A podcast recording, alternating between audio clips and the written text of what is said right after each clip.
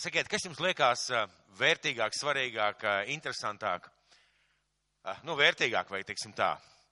Deltaplāns, kūkas vai izstāde? Nu, droši. Deltaplāns, lidot ar deltaplānu, ēst kūkas vai, vai apmeklēt izstādi. Kas liekas vērtīgāk? Kas kam vai ne? Viens teiks, deltaplānu man lūdzu nepiedāvājiet. Tas tāds cilvēks stāv šeit es.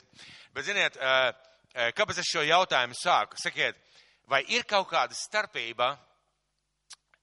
Ja jūs lidojat ar deltaplānu, skatāties visu no augšas, izbaudat to vēju, to brīvību, to, to fantastisko skatu no augšas, to varbūt pārdzīvojumu, adrenalīnu, vai vienkārši jūs skatāties no apakšas uz leju un kāds, ej, kāds cilvēks tur lid- lidinās ar deltaplānu. Kā jūs domājat, kas ir vērtīgāk? Skeptiķis. Uh, Labi, Nora, tad tev jautājums. Kā tev liekas, kas ir labāk? Apmeklēt izstādi vai vienkārši klausīties, ka kāds tev atstāsta? Bija forša izstāde, tur gleznas vai skulptūras. Kas tev liekas labāk? Uh, Un uh, kādu labāk gribētu apmeklēt, vai kad es, aiz, kad es aizienu, tev vienkārši izstāstu? Nu, bet kā tev likos labāk? Ka es tev izstāstītu, vai ka tu pati būtu? Jā, labi. Uh, Iesim tālāk. Sakiet, vai kā jums labāk gribētos? Vai šeit kāds, kuram garšo kūkas? Droši paceļam roku visi, kam garšo kūkas. ne visiem garšo, bet tiem, kas garšo, vēršos pie tiem, kas garšo. Pārējie aizspiediet ausis. Tātad, kā jūs tie, kam garšo kūkas, labāk patiktu, kā jūs sēžat kafejnīcā pie galda, ēdat vienu izcilu uh, vīnes kūciņu ar smaku kafiju, un jums rokās ir tasīt, un, un mazais pirkstiņš tā atstiepts, un jūs baudat, un ir sestdienas rīts, vai ka jūs ejat gar veiku, gar kafejnīcu, un redzat, viens tur sēž, diedalnieks, un ar atstieptu pirkstiņu dzer kafiju un ēd kūku. Kā jums labāk patikt? Ēst kūku vai skatīties vienkārši? Ēst kūku. Nu, skaidrs, atbildi mēs saņēmām. Es šodien gribētu dalīties ar vārdu eh, piedzīvot brīnumu no iekšpuses. Piedzīvot brīnumu no iekšpuses. Un pagājušajā svētdienā mēs runājam par to, ka Jēzus pavēlēja mums, eh, draudzēji, ik- ikvienam no mums patiesībā tā ir pavēle, darīt par mācekļiem visas tautas. Tās kristīdam tēvu dēlu un svētā gara vārdā, tās mācīdami turēt visu, ko es esmu pavēlējis. Jūs atceraties, jā? Mateja evaņģēlijas 28. nodaļa, 18. laikam 20 līdz 21. pāns. Vai viss man piekrīt? Jēzus pēdējā pavēle bija, ejiet pa visu pasauli un dariet par mācekļiem. Tātad par ko darīt? Darīt par mācekļiem. Kādā veidā? Tos kristīdami, tēvu dēlu un svētā gara vārdā un mācīdami turēt, tātad darīt visu, ko es jums esmu pavēlējis. Tāda bija Kristus pavēle. Tāpat mēs pagājušajā svētdienā runājam par to, ka mācekļus var veidot tikai mācekļi. Mācekļus var veidot tikai tie cilvēki, kuri ir paši mācekļi. Un mēs runājam par to, ka vai mēs esam mācekļi. Mums varētu uzdot tādu jautājumu, vai es esmu māceklis, vai es tikai esmu ceļā, vai es mācos. Uh, un es lūdzu pārdomāt, vai mēs esam. Mēs tāpat runājam, ka par mācekļiem nekļūst nejauši. Ka būt par mācekli tā ir cilvēka personīgā izvēle. Jo arī Jēzus laikā un viņa klausītāji un tie cilvēki, kas bija kopā ar viņu, bija cilvēki, kas bija mācekļi, kas izvēlējās būt par mācekļiem. Bet turpat bija cilvēki, kas izvēlējās nebūt, kas izvēlējās būt klausītāji, skatītāji, vērotāji. Un ir tāds spilgts pievērsts par kādu jaunieku, kurš atnāk un saka, "Ē, mācītāji, ko man būs labu darīt, lai es iemantotu debesu valstību. Un ja es saku, "Ē, tur ir paušs, viņš saka, es visu esmu turējis, no agras jaunības tās to, to, to, to, to. Un ja es saku, vienas lietas tev vēl pietrūkst.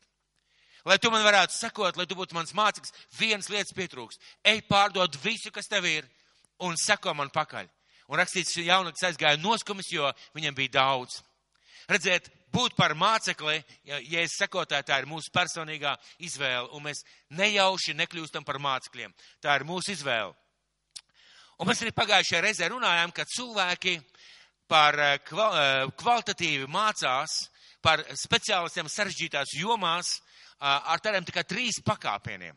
Ar trīs pakāpieniem sarežģītās jomās. Piemēram, slaucīt ielu ā, arī nav tik vienkārši. Bet to var iemācīties vienkārši dienu, divas, trīs, piecas uz lauki, tu iemācies. Es negribētu, kā cilvēks, kurš operē man smadzenes vai eh, sirdi, piemēram, neiroķirurgs, ka viņš ir vienkārši, viņam pateica, re, kur ir skalpels, re, kur pacients, dodies, gan jau tiksi galā. Es domāju, ka mēs neviens negribētu. Ja. Pirmais, ko mums izdarīt, ierogot tādu dakteri ar visiem halātiem, ar visiem palagiem, celtos kājās un bēgtu projām, kad mums būtu varbūt sirdsriek. Tātad mēs runājam par to, ka cilvēks par speciālistu e, sarežģītā lietā, viņš mācās ar tādiem trīs tā kā pakāpieniem, ar trīs fāzēm. Uh, lai kļūtu par speciālistu. Un uh, sakiet, cik jābūt lielam speciālistam vai labam speciālistam, ja mēs runājam par debesu valstību.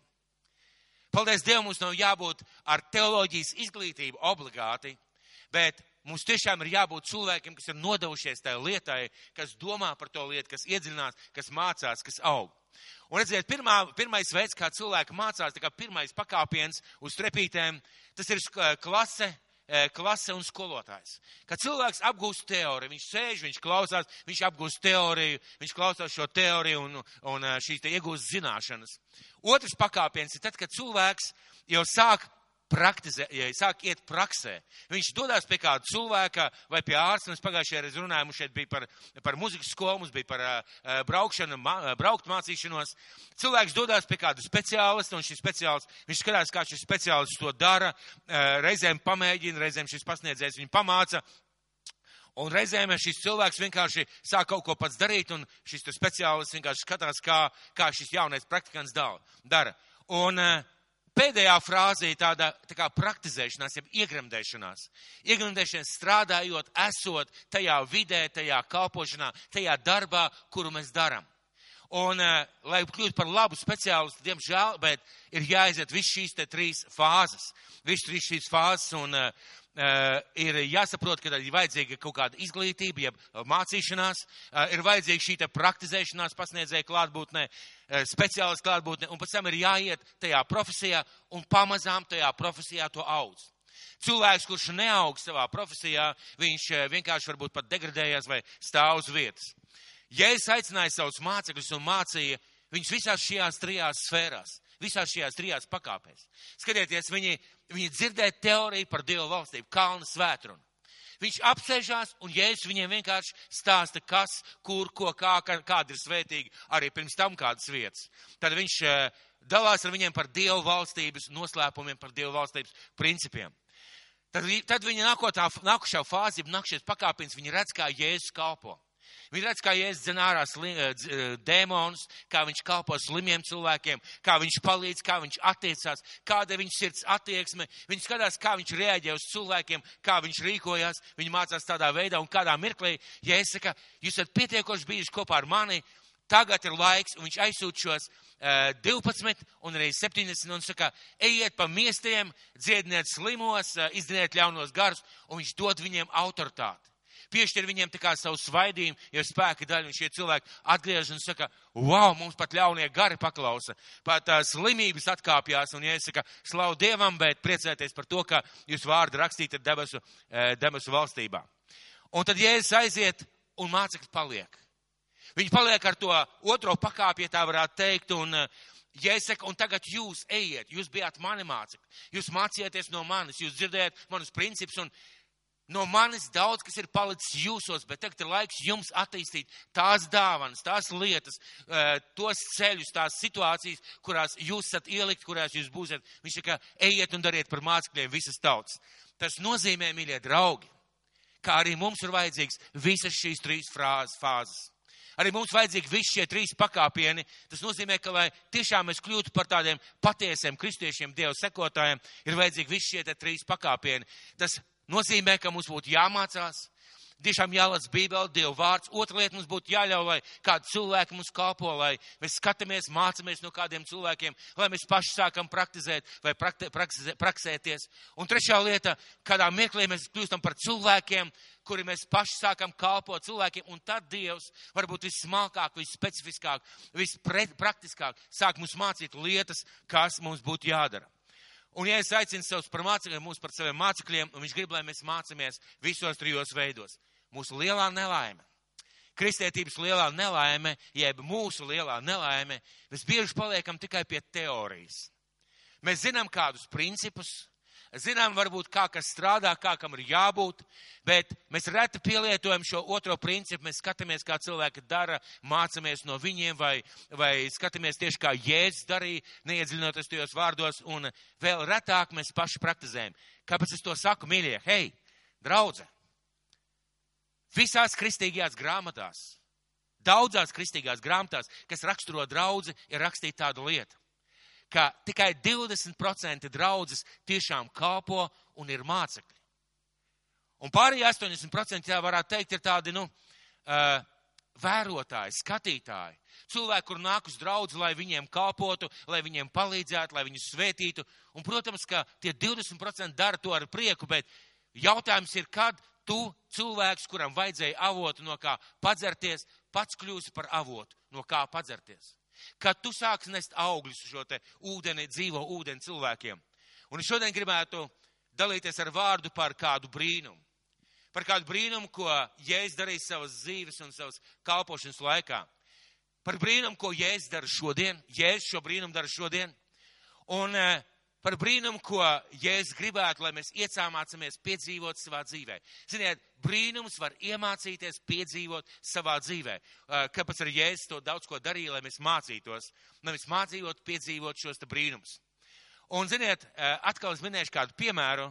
Ja jūs skatāties, piemēram, uz kādu brīnumu un esat kādā šovā, nezinu, koncertā, vienalga kā to lai nosauc, kur burju mākslinieks taisa kaut kāds brīnums Buri, ziniet, ir tādi būri mākslinieki, bet tie nav magi. Es nerunāju par magiem, par melno maģiju. Es runāju par cilvēkiem, kuri tiešām ar savām zināšanām, fizikā, geometrijā, kādās citās lietās, psiholoģijā, viņi taisa tādus uh, burju trikus. Tu sēdi zālē, un pēkšņi tur kaut kas notiek, es nezinu, tur kāda varbūt pārzāģē uz pusēm liekas, vai vēl kaut kas, vai kāds pazūd, kāds parādās, vai, vai teiksim, apklāja cepurīti, tu redz to cepurīti, hofiņš apklāja, atklājas vaļā, Pirms tam viņš parādīja, ka tur tukšs un iekšā zaķīts. Ir baigi forši pareizi. Sēd, wow, tas gan ir skaisti. Tas ir brīnišķīgi, lieliski. Un aiziet no šī pasākuma tāds pacelāts.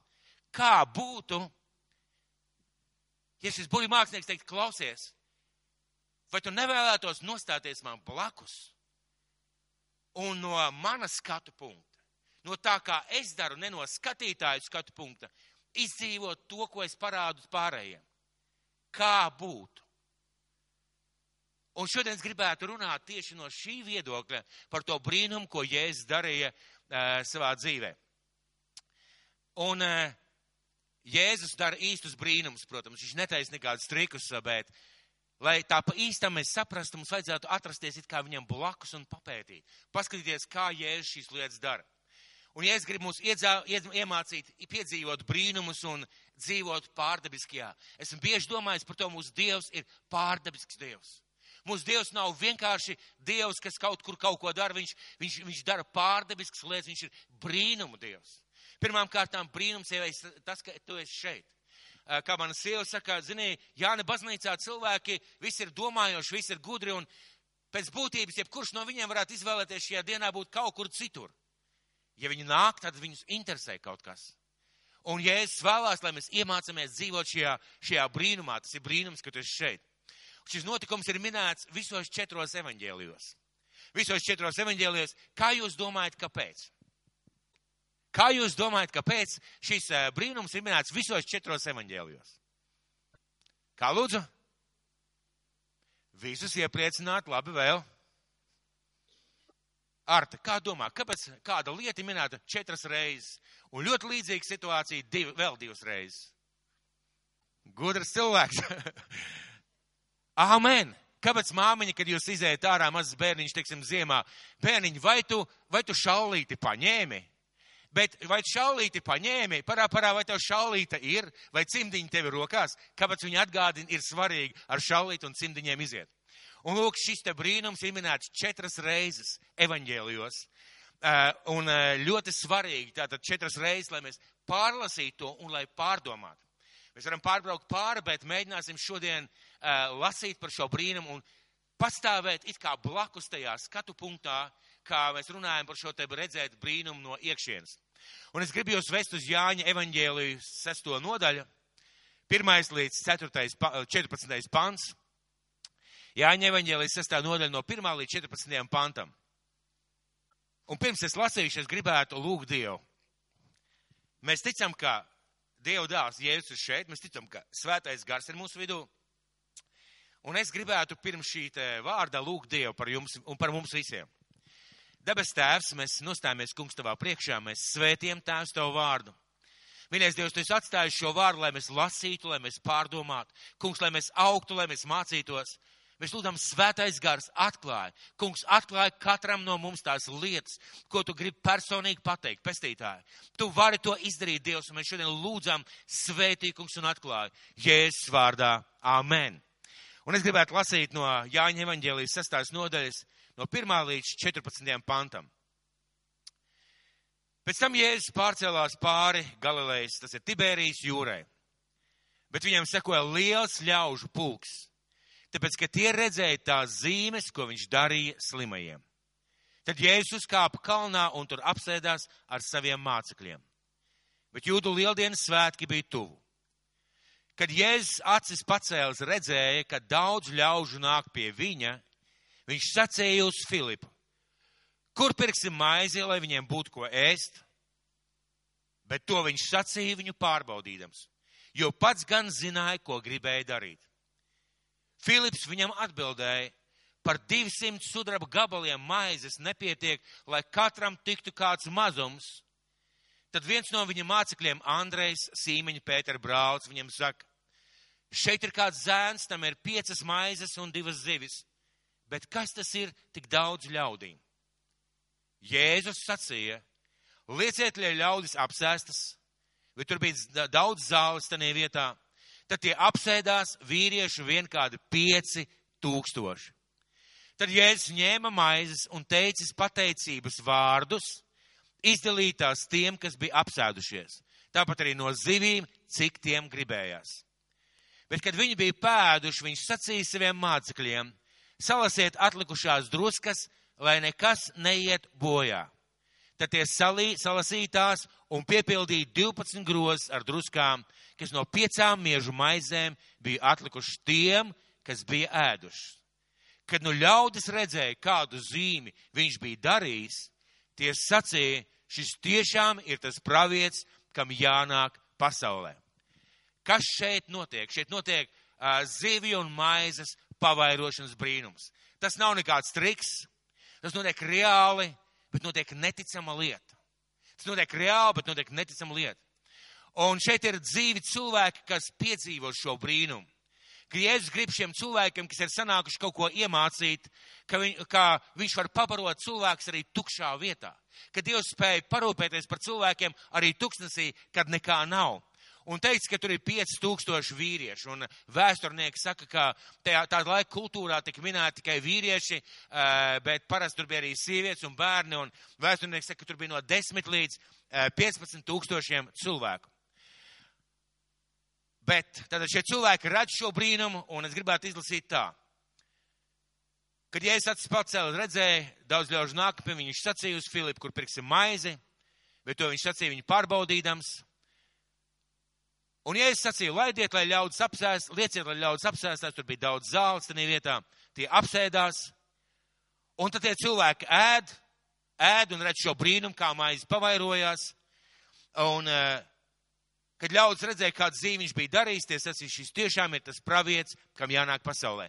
Viņi redz, kā tas viss notiek, viņi varbūt nedzird, ko Jānis, ko, ko Jēzus ar Filipu runā, viņš nezin, nedzird Andreja vārdu, viņi redz, Nav maizes, un pēkšņi mācekļi nāk ar maizītēm, lauž, un mēs par to parunāsim, kāds varēja izskatīties, un maize pavairojās.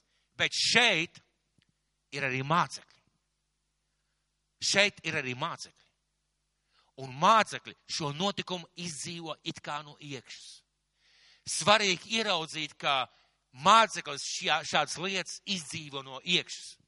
Un vai mēs varam pamanīt starpību? Vieni cilvēki klausījās, redzēju šo brīnumu it kā no ārienes, kā tas vienkārši it kā dabīgi viss notiek. Un ir mācekļi, kas redz no iekšas, kas ir tie par principiem, caur kuriem notiek šādi brīnumi. Kas tas tās ir un kā tas notiek, ka maize tiek pavairot. Un uzreiz rodas jautājums, vai mēs varam piedzīvot savā dzīvē Varbūt ne burtiski tā, ka maize tiek pavairota, bet vai mēs varam piedzīvot savā dzīvē, ka viņš dara tādus brīnumainas lietas mūsu dzīvē? Vai mēs to varam? Un viņš vēlas to darīt. Viņš uh, var to darīt. Un viņš grib kaut ko par šīm lietām mums šodien iemācīt. Jo, ja mēs runājam par mācekļiem, viņš rādīja viņiem šīs lietas ne tāpēc, lai parādītu, wow, esmu Dieva dēls tikai. Viņš rādīja, lai šie cilvēki mācītos. Un ziniet, ko es atcerēšu, kad gatavojoties ieraudzīju? Es ieraudzīju Jāni un Pēteri, ejot uz šo te, uz šo te, uh, uz templi, uh, kad tas aklais sēdēja pie šiem te krāžņiem vārtiem. Ko viņi saka? Zelta un sudraba mums nav. Bet tas, kas mums ir, mēs tev dodam. Šie cilvēki mācījās, un arī šodien Kristus vēlās mums kaut ko iemācīt uh, par šīm lietām. Un sāksim varbūt nedaudz vēlreiz lasīt. Kad Jēzus, pacēl, Jēzus acis pacēlis, redzēja daudz ļaužu nākam pie viņa, viņš sacīja uz Filipu, kur pirksim maizi, lai viņiem būtu ko ēst. Un te kāds varētu teikt, nu paveicās Filipam. Trāpījās tieši par rokai. Filips bija no tās apkārtnes. Filips pazina to apkārtni, un Betsaidas pilsēta bija 15 km attālumā, un Jēzus patiesībā saka, cik daudz cilvēku nāk, Ko darīsim? Iedomāsimies santehniķi, jūs mācāties par santehniķi vai par kādu citu speciālistu. Notiek kaut kas, nolūst krāns vai nolūst kaut kāda truba vai vēl kaut kas. Un santehniķis tā paskatās jums zilām acīm. Ko darīsim? Viņš nevis uzreiz pieķērās tā, tā, tā, paiem malā, es to neko nemāki. Viņš to pajautā, ko darīsim? Jēzus pajautā Filipam. Filips ir no tās apkārtnes, un lūk ir Filipa atbilde. Kāpēc pirmkārt viņš to pajautāja? Kāpēc viņš pajautāja? Viņš e, gribēja pārbaudīt, ja pajautāt, kā Filips skatās uz šīm lietām, lai liktu Filipam domāt un nostiprinātu viņā ticību, ka dabis, tad, kad dabiska risinājuma nebija. Lai nostiprinātu ticību, ka varbūt izēja tad, kad dabiska risinājuma nebija.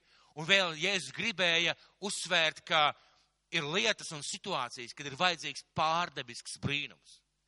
Un uh, Filips sāk rēķināt, un tad viņš saka tādus vārdus. Filips viņam atbildēja, par 200 sudraba gabaliem maizes nepietiek, lai katram tiktu kāds mazums. Iedomāsimies Filipu, ja es viņam pajautā, Filip, ko darīsim?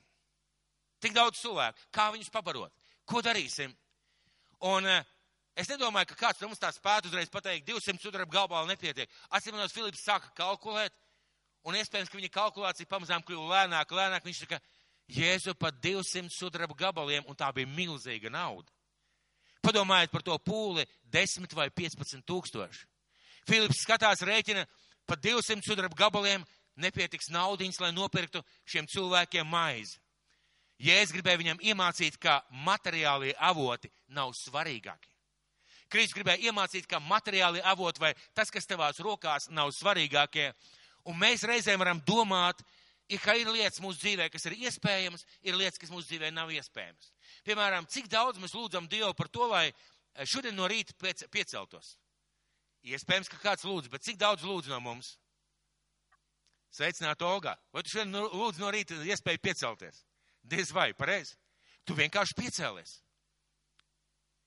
Man radās jautājums, kāpēc Jēzus vispār savus mācekļus ieved šādā situācijā. Viņš tā varēja grozīties tur ap tām pilsētām ap tām pilsētām, kur varēja pateikt, aiziet uz tirgu, sapērciet, gan jau katram kāds mazumiņš ir. Viņš ir aizgājis vietā un viņš aiz, aizved savus mācekļus, un cilvēki nonāk vietā, kur nav šīs maizes, kur nevar to maizi tā vienkārši nopirkt. Ja es cenšos viņam iemācīt šo principu, ka ir visas lietas iespējams kopā ar Dievu. Un ja mūsu dzīvē ir kādi jautājumi, kas liekas neatrisināmi, mums ir jāmācās ticēt, ka kopā ar Dievu tie ir atrisināmi jo Dieva resursi ir neizsmeļami. Dievs radīja debesis un zemi, viņš radīja visu no nekā. Kā mēs vakar dzirdējām, sievieti viņš radīja no vīrieša. Aleluja, slavu Dievam, pareizi. Un daži tāpēc domā, ka vīrieši ir svarīgāki, jo sievieti vīrs var radīt no, die, no radīja, sievieti vīrs radīja no, no, no vīrieša. Halleluja. Bet tad ir jautājums, no kā vīrietis tika radīts? No pīšļiem. Drusku tā kā pazemina vīriešu status, pareizi, jā? Ja? Tu esi no dubļiem un sieviete no tavas miesas. Tātad uh, Dievam ir visas lietas iespējamas. Lasīsim tālāk. tad viens no viņa mācekļiem, Andrejs Sīmeņa Pēters brālis, viņam saka, šeit ir kāds zēns, tam ir piecas miežu maizes un divas zivis, bet kas tas ir tik daudz ļaudīm? Kā jūs domājat, vai mācekļiem bija vairāk kā šim vienam zēnam? Es personīgi domāju, ka pa visiem 12 kopā viņiem bija vairāk. Mācekļi ar prātu saprot, ka nav jēgas piedāvāt to, kas viņiem ir, jo tāpat nepietiks, nepietiks vienkārši. Bet zēns acīm redzot piedāvāja. Kā jūs domājat, vai Andrejs iztaigāja pūli un pajautāja, kuram kas ir, kuram kas ir tā, mēs meklējam tagad dabisko risinājumu tā, kam ir maizīte, kam ir zivtiņš, kam ir vēl kaut kas. Acīm redzot, šis zēns bija kaut kur tūmā, viņš dzirdēja šo sarunu, un ziniet, kā bērni, še man ir, Ir gadījies kādreiz bērnībā, ja? ak, kā gribētos konfekti. Un dēns izvelk no kaut kur no kabatas tādu apsūkātu ledeni, še man ir, un tad tev ir jāizdomā, vai to ņemsi vai neņemsi. Un šis te puisis izvelk ārā šīs ziltiņas un maizi un saka, man ir. Kāpēc šī lieta ir tā uzsvērta, jeb tā atzīmēta? Mācekļi ar prātu saprata, ka nav dabiskā risinājuma. Šim zēnam bija nedaudz savādāks skatījums. Viņš tādā bērna naivumā, ā, vajag maizīti, vajag ziltiņus. Še man ir. Kā jūs domājat? Es speciāli sagatavojos. Cik ar šo maizīti? Šeit ir piecas maizes. Cik cilvēkiem ar šo maizīti pietiktu? Kā jūs domājat? Nu tā ļoti saudzīgi, nu desmit cilvēkiem. Nē, nu vairāk, vairāk. Nu, teiksim, 20 cilvēkiem, jā, tā saudzīgi, jā. Uh, un tad ir tāds teiciens trikoreški krieba, jā, trīs maizes garoziņas katram. Vai varētu paēst? Vai viss, kas ir šeit šajā zālē, varētu paēst? Varētu paēst? Domāju, ka nē, pareizi. Mīļā, bet tur ir 10 līdz 15 tūkstoši cilvēku. Un tāpēc mācekļi pat nemēģina, nemēģina vilkt ārā savu maizīti, bet šis bērns skatās savādāk. Paprasīja maizīti, ka vajadzētu pabarot, še man ir. Un viņš dod šīs te maizītes, eh, dod šīs te maizītes, eh, dod šīs te maizītes. Un kas ir interesanti, mēs ar to varam ieraudzīt tādu svarīgu mācību, ja mēs neko neatnesam, un tagad paklausieties, ja mēs neko neatnesam Dievam no tā, kas mums ir, kaut arī maziņš, viņš neko nedarīs priekš mums. Jūs dzirdat mani? Ja mēs Dievam neko neatnesam no tā mazuma, kas ir mums, lai lūgtu, lai viņš svētītu, lai viņš pavairotu, ļoti iespējams, ka Dievs neko pret mums, priekš mums nedarīs. Un mēs varam atrast kaut ko maziņu, kas mums ir šajā vajadzībā, šajā situācijā, un viņš pavairos daudzskaitlīgi. Kas notiek tālāk? Kas notiek tālāk? Lasam tālāk. Tad viens no manas mācekļiem, Andrejs Sīmeņš, Pēters Brālis, viņam saka, šeit ir kāds zēns, tam ir piecas maizes, kmiežu maizes un divas zivis. Bet kas tas ir tik daudz ļaudīm? Jēzus sacīja, lieciet, lai ļaudis apsēstas. Tur bija daudz zāles tajā vietā, tad tie apsēdās vīrieši vien kādu 5000. Tā bija tā laika tradīcija, kad sapulcēs vai tautas sanākšanā cilvēki apsēdās un bija tāda kārtība izveidot pa 50, pa 100 viņu sēdās, tad šie cilvēki arī apsēžās. Un 11. pāns. Tad Jēzus, un tagad ļoti uzmanīgi, tad Jēzus ņēma maizes. Kādas maizes? Tās, kurš iedeva Pēters, Jēkabs, Andrejs, bērns. Tas, kurš iedeva bērns, viņš paņem šīs piecas maizes un teicis pateicības vārdus, izdalītās tiem, kas bija apsēdušies, tāpat arī no zivīm, cik vien tie gribēja. Un šeit ir tāda ļoti svarīga mācība. Mācekļi vēro Jēzus darbību. Viņiem patiesībā nav idejas, kā Jēzus atrisinās šo situāciju. Viņiem pat nav saprašanas, tā varbūt ir pirmā reize, kad tāda lieta notiek. Viņi pat nespēja iedomāties, kādā veidā tas varētu notikt, bet viņi skatās, kā Jēzus paņem šīs piecas maizes, tik cik man ir. Un rakstīts Bībelē, ka viņš skatījās uz debesīm, pateicās Dievam, citā, citos, citos evaņģēlijos šeit rakstīts, viņš ņēma maizes, teica pateicības vārdus izdalītām tiem, kas bija apsēdušies. Tāpat ir no zivīm, cik tie gribēja. Ļoti svarīga lieta, ko es šeit ieraudzīju. Jēzus paņem to, kas bija, kas bija, un tad jautājums, kas ir priek man, manai, manam problēmas risinājumam. Viņš pateicās Dievam, ja pienes Dievam to, kas ir. Viņš neņem šo maizi un nesāk laust, viņš izdara vienu lietu, ar ko patiesībā sākās brīnums. Viņš pienes šo maizi dievām, pateicās. No tā mēs mācāmies par pateicību, eh, par pusdienām, par, par ēdienu, ka mēs pateicamies. Bet mums jau uz galda stāv, mums nevajag, lai pavairo. Ir cilvēki, kuriem ir vajadzīgs tāds brīnums. Bet viņš paņem šo maizi, viņš paceļ Dievu priekšā, pienes Dievam, uztic Dievam šo maizi un eh, lūdz, ja tā varētu teikt, un pēc tam dod mācekļiem un saka, daliet. Kas ir interesanti? Mums liekas, ka pēc mūsu cilvēciskā prāta tajā mirklī vienkārši kaut kur no, nezinu, no kurienes vajadzēja vismaz parādīties tūkstošu galvenai kamieļu karavānai ar eh, maizi apkrautai, lai visus pabarot. Pēc lūkšanas nekas nenotiek, bet jēzus šo maizi ir uzticējis savam debes tēvam, ielicis debes tēva rokās. Viņš paņem šo maizi, dod atpakaļ mācekļiem, un, ziniet, tās maizes tajā mirklī nav vēl palicis vairāk.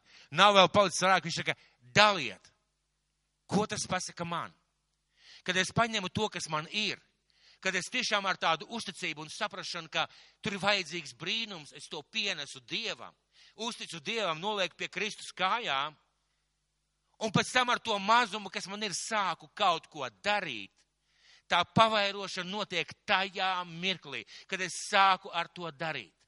Es kādā no divkopiem runāju par to, ka saņemiet vārdu un saņemiet vārdu un tā dariet un Dievs jūs svētīs. Šeit tieši tas pats princips. Jo Jēzus, kāpēc, viņ, kāpēc viņš pats nedalīja? Šie vieta rakstīts, ka viņš izdalīja, bet patiesībā bija ar mācekļiem. Kāpēc Jēzus pats nedalīja? Kāds teiks, nu, varbūt viņš bija noguris, varbūt slings tajā mirklī bija, varbūt mācekļi bija vairāk un tur bija daudz cilvēku. Ziniet, kāpēc Jēzus to e, tādā veidā darīja? Pirmkārt, viņš izvēlās darīt brīnums caur cilvēkiem un cilvēku dzīvē. Otrām kārtām, šie mācekļi skatījās no iekšienes šo brīnumu. Viņi redzēja, kā Jēzus pieņem šīs tam maizītes, un es domāju, ka lielākā daļa, nu, gaudruši negrāzīja, bija pārsteigta, ka viņš pieņem, bet, kad viņš paņēma šo maizi, pateicās, pielūdza, un tas varbūt priekš viņam nebija nekas jauns, tad viņš iedod viņu rokās, viņš saka, ņemiet, daliet. Iedomājieties tagad mācekļus. Jūs esat māceklis. Jēzus jums ielicis maizi rokās. Un jums tagad jāiet pie cilvēkiem, jālauž gabals un jādod. Kā jūs domājat, cik viņiem bija ticības pie pirmā lauziena? Man liekas, varēja būt šāda situācija. Pareizi? Šāda situācija. Bet viņi lauž un dod, lauž un dod, lauž un dod. Un es par viņu domāju, ka 5, 6, 7 cilvēka viņiem pēkšņi sāk acis plēsties lielas. Viņu lauž un dod, lauž un dod, lauž un dod. Padomājiet, cik ilgi laiks bija vajadzīgs, lai paēdinātu 10 vai 15 tūkstošu cilvēku, lai izdalītu šo maizi. Kāpēc Jēzus to lika darīt saviem mācekļiem? Lai viņi ieraudzītu, lai viņi caur savu dzīvi ļautu piedzimt brīnumam lai tas, ko Jēzus gribēja viņiem iemācīt, lai tas būtu viņu, lai tā būtu daļa no viņiem. Redziet, ir lieliski dzirdēt un klausīties liecības par to, ka dara brī, Dievs dara brīnumu, bet daudz labāk ir būt daļai no brīnuma. Jēzus vēlās, lai mācekļi ir daļa no šī te brīnuma. Lai mācekļi daļa no šī brīnuma, un kad viņi dalīja šo te maizi, tāpat arī zivis, paiet mirklis, un šie visi cilvēki ir pēduši. Protams, pēda arī mācekļi, pēda arī Jēzus. Bet, kad viņi bija pēduši, viņš sacīja saviem mācekļiem, salasiet atlikušās druskas, lai nekas neaiziet bojā. Kāpēc Jēzus teica, salasiet atlikušās? Kāpēc pirmām kārtām palika druskas, kā jūs domājat? Varēja taču tā, tik cik ir cilvēki, tik, tik arī vajag, tik arī dabū. Kā jūs domājat, kāpēc palika druskas? Droši, kāds, kāds varētu būt atbildi? Nu, kurš būtu drosmīgi, kurš, kurš varētu kaut ko pateikt? Es arī domāju, ja es gribēju parādīt vīri, man ir daudz vairāk nekā tikai pietiek. Man ir daudz vairāk, ko iedot, nekā tikai pietiek. Man ir daudz vairāk, ko es jums varu iedot, un viņš saka, skatieties, viņš saka, salasiet tos 12 grozus. Kā jūs domājat, cik liela groza tie bija? Nu, tāds maziņš, mums te nav kaut kur kāds groziņš. Žēl, aizmirsu paņemt. Tāds maziņš groziņš, ziniet, tāds, kur konfektes dala, ja? Tāds maziņš groziņš. Tie bija lieli grozi, kuros nesa vai nu drēbes, vai nu veļu, vai kaut kādas augstas, lieli pamatīgi grozi, ko nes uz pleciem. Un tagad padomājiet, mācekļi tikko ir dalījuši cilvēkiem un pāri ir palikuši. Un viņš iesaka, un tagad, mīļie draugi, lai nostiprinātu jūsu ticību, paņemiet tos grozus un salasiet. Un viņi salasa 12 grozus. Es nevaru pateikt, kāpēc precīzi 12 grozus. Bet ja es ar šo liecību parādīju, ka man ir daudz vairāk nekā jūs spējat iedomāties. Es varu iedot daudz, daudz vairāk. Daudz, daudz vairāk. Un ja mēs atnesam to, kas mums ir, to mazumiņu, Dievs pavairo daudzkārtīgi vairāk. Daudzkārtīgi vairāk. Reizēm cilvēki saka, tā man nav ko Dievam ziedot, man ir eiro vai divi eiro, nu kas tas tāds ir, tas jau nav nekas daudz. Padomājiet par atraitni. Tā ir līdzība, ko stāsta visā pasaulē, un es domāju, ka mēs daudz zinām. Padomājiet par atraiti. Viņa atnesa ziedojumu dievam. Divas artavas, pareizi? Divas. Vairāk nebija, divas artavas. Kas tas ir par ziedojumu? Cik daudz tas atrasina dieva namā, cik tas daudz, kā, kā vispār to var uzskatīt par ziedojumu? Divas artavas, divas santīmas. Man ir gadījies iemest pāris santīmus ziedojumu traukā. Ja tiešām nekā nav. Bet ziniet, kas notiek tajā mirklī, kad viņi iemet šīs divas sartavas? Jēsaka, viņa ir vairāk iemetusi. Garīgajā pasaulē viņas ziedojums ir desmit reizes lielāks nekā lielākais ziedojums, kas tika iemests. Bet runa bija par ziedojumu. Viņi iemet desmit reizes lielāku ziedojumu nekā iemet tie pārējie, kas met no savas pārpilnības. Saprotiet? Un šajā situācijā, ja es saku, ja jūs atnesat man to, kas jums ir, es pavairošu bagātīgi bagātīgi pavairošu. Tā ka jums ne tikai pietiks visam, bet pāri vēl paliks labiem darbiem. Ko iemācījās mācekļi caur visu šo stāstu? Ko mēs šodien varam caur to visu iemācīties? Pirmām kārtām, pirmām kārtām, pirmā mācība, pirmā lieta, ko es gribētu pateikt. Cik svētīgi, cik labi, cik izcili, cik fantastiski būt par Jēzus mācekli. Būt blakus viņam, kad viņš dara tādas lietas saprast viņa sirdi, saprast viņa motīvu. Cik labi ir mācīties no viņa, cik labi būt tajā vietā, kur cilvēki meklē viņu, mācās par viņu, mēģina viņu saprast. Cik labi ir būt šim te māceklim. Redziet, cilvēki redzēja to brīnumu no ārpus. Viņi nedzirdēja jēzus vārdus, viņiem nebija atklāsme par divām zivīm un piec, par piecām, zi, piecām maizēm un divām zivīm. Viņi nedzirdēja šo jautājumu Filipam, kur dosim, kur dabūsim maizīt. Viņi redzēja, Jēzus paņem, mācekļi dala, halleluja, slavu Dievam, mēs vienkārši esam pēduši. Un kādā vietā Jēzus pēc tam, kad viņi viņam sako, viņš saka, jūs sakojat man nevis tāpēc, ka redzējāt brīnumu, bet tāpēc, ka jūs paēdāt. Tāpēc, ka jūs paēdat. Mācekļi sekoja Jēzum tāpēc, ka viņi redzēja brīnumu. Viņiem nevienam nevairs nebija jāpārliecina, ka Jēzum bija slepenā noliktava vai kaut kāds triks. Viņi redzēja, kā šis brīnums pavairojās. Redziet, tieši tāpēc būt uz skatuves blakus burvju māksliniekam, būt izstādē, lidot ar deltoplānu, ēst kūkas šajā te kafejnīcā ir daudz labāk nekā vērot no malas. Kāpēc mēs bieži vien izvēlamies vērot no malas? Mūsu Dievs ir tik fantastisks, tik bagāts, tik aizraujošs, tik radošs. Mums noteikti vajadzētu censties būt par viņa mācekļiem. Tad pirmām kārtām lieta ir fantastiski būt par mācekļiem. Ir gudri, labi, pareizi izvēlēties, būt ar mācekļiem un ļaut, ļaut, lai caur mums piedzimst brīnums. Ļaut, lai caur tevi piedzimst brīnums.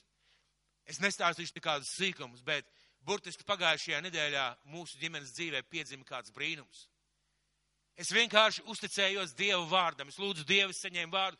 Es uzticējos Dievu vārdam. Es gāju un darīju to, kas pati, patiesībā man likās drusku neloģiski vai, nu, nu vispār kaut kā nērti. Un pagājušajā nedēļā notika vienkārši brīnums. Jāsaka, liels brīnums. Un es ticu, ka šis brīnums vēl vairosies vairāk nekā mēs šobrīd esam piedzīvojuši vai redzējuši. Va, kāpēc? Es atnesu to, kas man bija. Ziniet, kas man bija? Man bija Dieva vārds un man bija lūkšana. Man bija vajadzība, man bija Dieva vārds, man bija lūkšana un man bija Dieva vārds. Un es to atnesu Dievam un Dievs to pavairoja. Kristus to pavairoja, viņš darīja šo brīnumu. Ir brīnišķīgi būt par cilvēku, caur kuru piedzimst brīnums.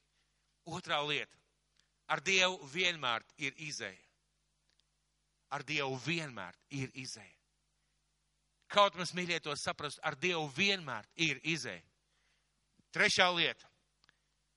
Nevajag skatīties uz savām iespējām, bet uz Dieva iespējām. Ja mēs ticam Kristu, mums nevajag skatīties tikai uz savām iespējām, bet uz Dieva iespējām.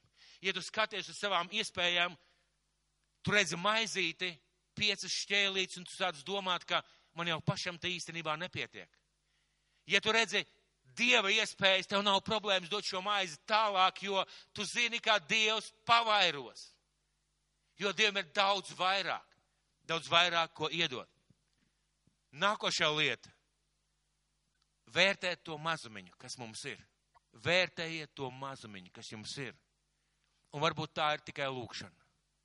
Varbūt tā ir tikai lūkšana, jums nav nekādu resursu, nekādu iespēju kaut ko izpētīt vai izmainīt. Nekādu iespēju.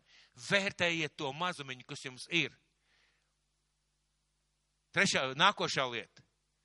Pat ja jūs esat jauns, vecs, varbūt ticībā vājš, varbūt vecs gados, ja jūs atnesat Dievam to, kas jums ir.